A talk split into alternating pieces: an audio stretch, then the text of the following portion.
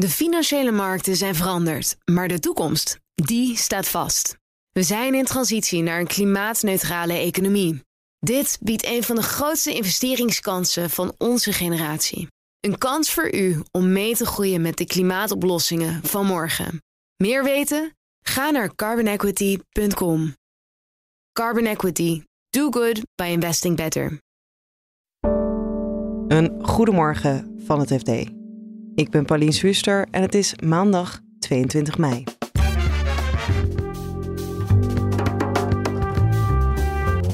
Carola Schouten staat een marathondebat te wachten over de nieuwe pensioenwet. De Eerste Kamer houdt van lange debatten en dat gaan ze dit keer ook zeker doen. En er zijn weer nieuwe ontwikkelingen in de soap rondom Bitvavo en de 280 miljoen euro aan klantengeld. Het is nog eh, even wachten of dat allemaal terugkomt. Dit is de dagkoers van het FD. We beginnen met de nieuwe pensioenwet. Daar gaat de Eerste Kamer vandaag en morgen over debatteren. Onze Haagse verslaggever Martine Wolzak volgt het en vertelt je alles wat je erover moet weten. We beginnen met wat gaat er nou precies veranderen aan onze pensioenen? Ik vind dat dus nog helemaal niet zo makkelijk om dat nou eventjes in één kernachtige zin samen te vatten. Ehm, want je zit er dan heel snel toch weer net naast. En dan krijg je alleen maar nieuwe misverstanden. Er wordt bijvoorbeeld heel vaak gezegd: ja, iedereen krijgt een persoonlijk potje. Ja, maar ook nee. Het pensioen wordt wel persoonlijker. En ik denk dat wat wel belangrijk is, is dat je niet meer mee gaat betalen aan het pensioen van iemand anders zonder dat je dat weet. In het huidige pensioenstelsel zitten allerlei herverdelingen en, en schuiven van jong naar oud en van oud naar jong en van arm naar rijk en wel andersom. Zonder dat iemand dat in de gaten heeft. In het nieuwe pensioenstelsel gaat iedereen veel beter zien. Dit is de premie die ik heb betaald. Dit is de premie die mijn werkgever heeft ingelegd. Zoveel beleggingswinst of verlies is daarmee gemaakt. En dan is dat ongeveer het pensioen wat ik krijg. En dan ben je ook nog wel een beetje solidair met anderen. Maar ook dat ga je heel goed zien. Veel meer dan nu. En ik, dat, ja, mensen willen graag horen, ik ga ik meer krijgen of minder. Nou, dat is eigenlijk veel moeilijker te voorspellen. Zeker omdat, en dat is een ander misverstand, wat heel vaak wordt, ge, uh, ge, wordt gezegd, ja, het pensioen wordt meer afhankelijk van de financiële markten. Ja, maar alle pensioengeld wordt nu ook al belegd op de financiële markten. Dat verandert niet. Er gaat geen geld weg, er komt geen geld bij, het blijft belegd. Dus ook dat blijft hetzelfde. Gaat het heel veel meer meebewegen met de financiële markten? Nou, misschien iets. En wat wel gaat veranderen is dat de hoogte van je pensioen minder zeker wordt. Er wordt minder harde garantie gegeven van dat ga je krijgen. En dan is de verwachting dat je, nou dat weet iedere belegger in ieder geval, als je meer risico neemt, kan je ook meer rendement halen.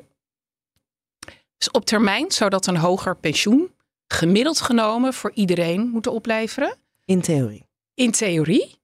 Maar of jij dan ook een hoger pensioen gaat krijgen, of ik, ja, dat is, dat is ontzettend onzeker. En dat is nu onzeker, dat blijft onzeker. Ja, we kunnen in ieder geval wel zeker zeggen, het is een enorme hervorming.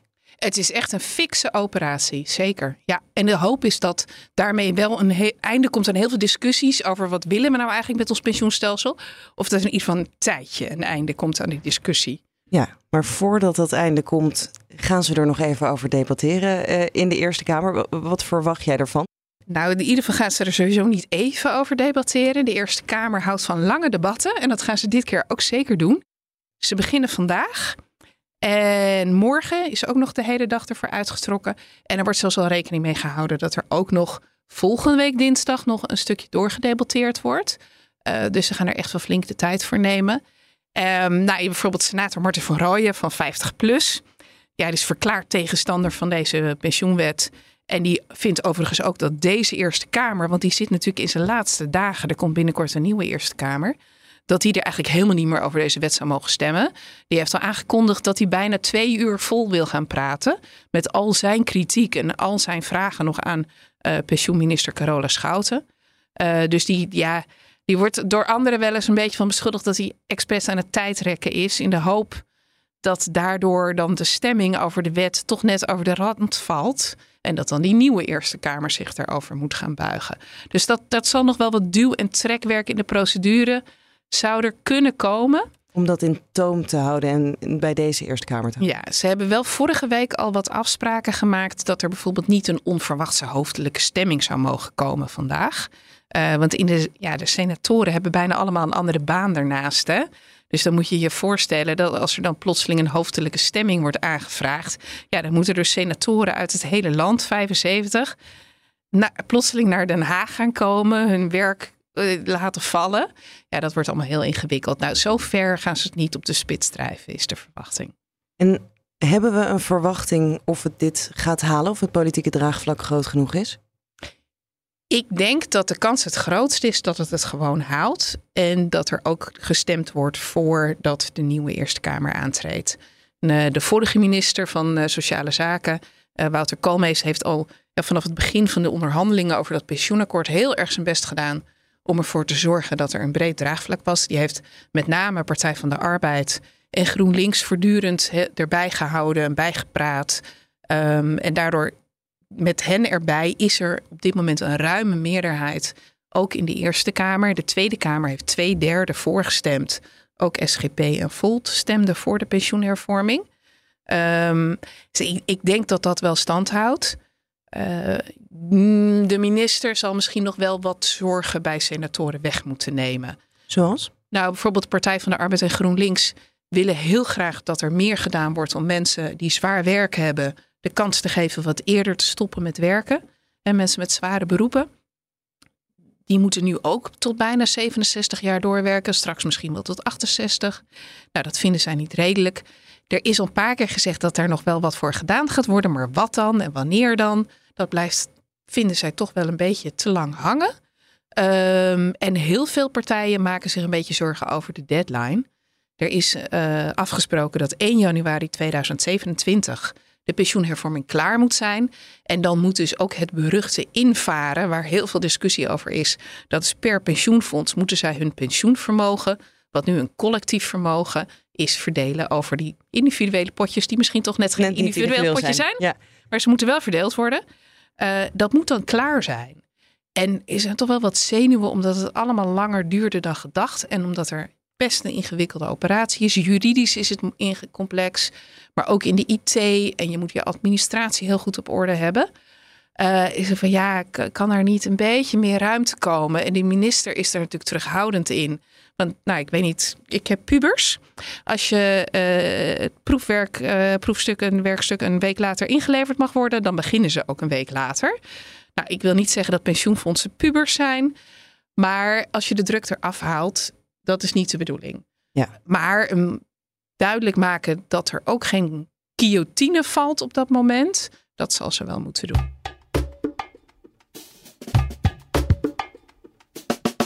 En dan Bitvavo, de grootste cryptobeurs van Nederland. Die is nog steeds in een gevecht verwikkeld om 280 miljoen euro terug te krijgen die ze kwijt zijn geraakt in de cryptowinter. Beursredacteur Matthijs Rotteveel praat je bij over de laatste ontwikkelingen. Maar eerst frist hij even je geheugen op over hoe het nou zat met die 280 miljoen euro. Dat is klantengeld, hè, of eh, crypto's van klanten van Bitvavo. Die hadden ze gestald bij Genesis. En Genesis is een soort uh, uh, leenbedrijf, een cryptobank als je het wil noemen. Ja, mag het geen bank noemen, maar laten we het een soort cryptobank noemen. En um, daar konden klanten van Bitvavo uh, rente op krijgen als ze, dat, als ze hun crypto's daar neerzetten. En dus die crypto's gingen er toen daar naartoe, 280 miljoen euro. En toen ging Genesis failliet en toen kwam dat niet meer terug. En Genesis ging dan weer failliet omdat hij een link had met die cryptobeurs FTX. Ja, ja. Eerst riep iedereen heel hard van nee, daar worden we allemaal niet door geraakt. Hè? Toen FTX uh, omviel, dat is die beurs van Sam Bankman-Fried. Toen één voor één hoorde je toch van partijen dat ze er wel door werden geraakt. Eén daarvan is uh, Genesis. En op een gegeven moment, eind vorig jaar, sloot het zijn deuren. Dus toen begon iedereen al een beetje, uh, beetje moeilijk te vinden van, oh jee, ik, komt het geld wel terug? En, en daarna in begin dit jaar werd het failliet verklaard. En als we even doornemen voor klanten wat, van Bitvavo wat er vanaf toen is gebeurd. Dus toen wisten we 280 miljoen euro aan te goede is weg. Of in ieder geval komt uh, binnenkort niet meer terug. Um, wat heeft Bitvavo toen verteld over of dat geld, wie, wie dat ging betalen? Nou, eerst uh, was het verhaal, wij worden er niet door geraakt. Daarna was het verhaal, ja, wij hebben er toch klantengeld staan. Dus die 280 miljoen. Maar dat kan Bitfavo heel goed zelf betalen. Maar laten we eerst even afwachten. Want ik denk, hè, dat zeiden ze toen, ik denk dat we het gewoon allemaal terugkrijgen. En um, was ook het verhaal van, nou, mocht het nou niet terugkomen uit Amerika, dan kan het bedrijf Bitvavo het betalen. Nou, dan hebben we een rekensom gemaakt. Van, nou, dat wordt dan toch misschien een beetje moeilijk om, want ze hadden 36 eh, miljoen eigen vermogen, geloof ik.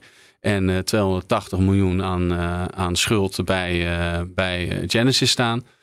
En toen ehm, was, nou oké, dan daarna um, worden de eigenaren van Bitvavo aangesproken. De drie eigenaren, de groot aandeelhouders. Die hebben zichzelf een dividend uitgekeerd van 110 miljoen euro. Die gaan dat dan teruggeven, mocht dat geld niet uit Amerika terugkomen. Ja, en dan is er de laatste tijd van alles gebeurd. Ik weet haast niet waar ik moet beginnen. Laten we bij die grote aandeelhouders beginnen. De CEO Mark Nuvelenstein. Zijn vermogen is wat verminderd, want die is dan weer in aanraking gekomen met uh, wonderbelegger Max R. Ja, ja, ja. Het, uh, het wordt een eh, steeds breder verhaal inderdaad. Uh, de drie eigenaren hebben gezegd, we gaan dat, uh, die 110 miljoen aan dividend gaan we terugbetalen indien nodig. Maar ja, dan moet je het wel kunnen terugbetalen. Ze zeggen nu dat al een groot, een groot gedeelte daarvan terug is bij Bitfavo. En de rest is oproepbaar. Dus mocht het geld niet terugkomen uit Amerika, dan gaan die groot aandeelhouders dat betalen. Maar alleen Mark Nuvelstein, die heeft dus uh, een gedeelte van zijn geld uh, uh, aan die Max R gegeven. En dat komt niet terug waarschijnlijk. Dan is er ook nog iets aan de hand bij de moeder van Genesis. Wat is daar gebeurd? De moeder van Genesis heeft ook gezegd dat als er schuldeisers zijn van Genesis, dan gaan wij dat betalen. En daarna was het verhaal van oké, okay, een beetje vergelijkbaar met Bitfavo eigenlijk. Nou, wij, uh, wij, eerst was het, wij worden niet geraakt door Genesis, zei de moeder. Toen was het, nou, misschien toch. Oh ja, ja, toch. En dan gaan wij het terugbetalen, want wij kunnen dat makkelijk terugbetalen. En nu is er onlangs eens maand is uh, gebleken dat uh, de moeder dat dus toch niet terug kan betalen. En dat ze naar zich op zoek zijn naar investeerders die zin hebben om geld in dat bedrijf te steken om dan alsnog uh, de schuldeisers van uh, Genesis uh, terug te kunnen betalen. En Genesis misschien nog te redden of van wat er van over is. Ja. En dan is er ook nog een grote nieuwe schuldeiser van Genesis. Ja, dat is waar we net eigenlijk begonnen bij FTX. Dat was die beurs die omviel, die zoveel sporen heeft nagelaten in de cryptowereld. FTX heeft nu een claim neergelegd van 3,9 miljard dollar bij Genesis. Die, werkte, die twee werkten samen. En net voordat FTX omviel, is er heel veel geld, uh, dus de leningen van, uh, van Genesis aan FTX teruggehaald. Net op tijd waren ze erbij. Waardoor FTX dus uh, met minder bleef zitten. Dus Genesis is redelijk aan, de, aan de ellende van FTX ontsnapt. En de curator van FTX zegt nu ja, kijk, die twee speelden eigenlijk een beetje onder één hoedje. Eh, Genesis heeft de, de, de foute handel van FTX gefaciliteerd. En uh, die zijn er zonder schade van afgekomen. Terwijl de arme particuliere beleggers uh, met de ellende blijven zitten. Daar ga ik wat aan doen. Dus ik wil die 3,9 miljard terug bij Genesis. En dat gaat dan weer ten koste misschien van andere schuldeisers. Bitfavo. Ja, zo vechten ze lekker verder. Ja, deze donderdag gaat de rechtbank in New York er iets over zeggen. Ja, die gaat uh, zeggen of die claim van FTX op Genesis, die 3,9 miljard, of welk gedeelte daarvan terecht is. En die gaat misschien al een uitspraak doen over uh, hoeveel FTX mag claimen op Genesis. En voor de mensen die nu luisteren die geld of crypto's hadden staan bij uh, Bitfavo? Het is nog uh, even wachten of dat allemaal terugkomt.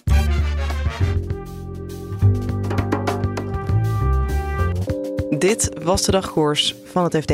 Morgenochtend zijn we er weer. En als je het nog niet hebt gedaan, abonneer dan even op Dagkoers in je podcast-app. Dan krijg je automatisch de nieuwe afleveringen binnen.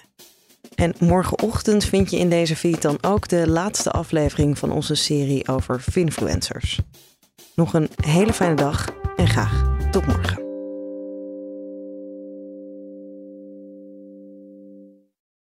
De financiële markten zijn veranderd, maar de toekomst, die staat vast. We zijn in transitie naar een klimaatneutrale economie. Dit biedt een van de grootste investeringskansen van onze generatie. Een kans voor u om mee te groeien met de pioniers van morgen. Meer weten? Ga naar carbonequity.com. Carbon Equity. Do good by investing better.